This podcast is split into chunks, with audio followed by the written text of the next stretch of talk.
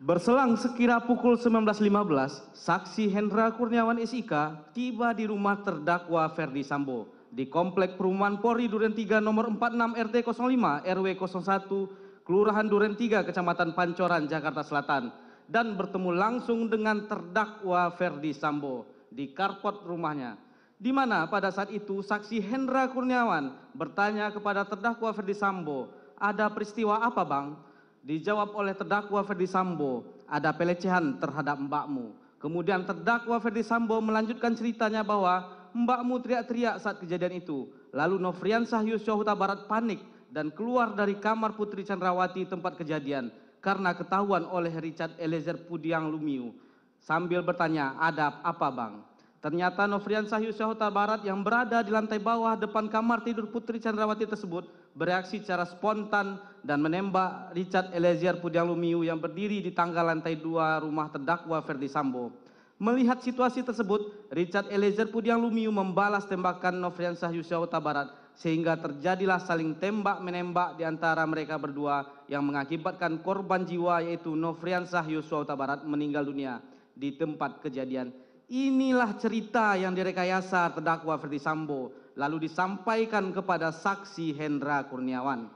Setelah selesai, saksi Hendra Kurniawan mendengarkan cerita dari terdakwa Ferdi Sambo, kemudian saksi Hendra Kurniawan menindaklanjutinya dengan menjumpai Beni Ali selaku Karo Provos di Propampori yang telah datang terlebih dahulu sebelum maghrib di tempat kejadian di rumah terdakwa Ferdi Sambo bersama-sama dengan Susanto sebagai selaku Kabak Gakum RO Provos di Propampori. Selanjutnya, Saksi Hendra Kurniawan bertanya kepada Beni Ali, pelecehannya seperti apa? Kata Beni Ali menjelaskan kepada saksi Hendra Kurniawan bahwa Beni Ali sudah bertemu dengan Ibu Putri Chandrawati di kediaman Jalan Saguling 3 nomor 29, Duren 3 Jakarta Selatan. Dan Putri Chandrawati menceritakan kepada Beni Ali benar telah terjadi pelecehan terhadap diri Putri Chandrawati di saat sedang beristirahat di dalam kamarnya di mana sewaktu kejadian Putri Candrawati juga menggunakan baju tidur celana pendek, kata Beni Ali kepada saksi Hendra Kurniawan. Lalu Beni Ali melanjutkan ceritanya dan mengatakan permasalahannya korban Nofriansah Yusuf Barat telah memasuki kamar Putri Candrawati dan sedang meraba paha sampai mengenai kemaluan Putri Candrawati. Akan tetapi Putri Candrawati terbangun dan kaget sambil berteriak.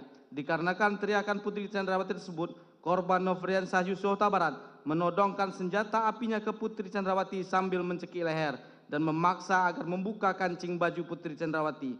Lalu Putri Chandrawati berteriak histeris sehingga korban Nofriansah Yusota Barat panik dan keluar dari kamar. Dan saat itu juga bertemu dengan Richard Eliezer Pudiang Lumiu sehingga terjadi tembak-menembak. Cerita Beni Ali didapatkan dari Putri Chandrawati lalu diceritakan kembali kepada saksi Hendra Kurniawan.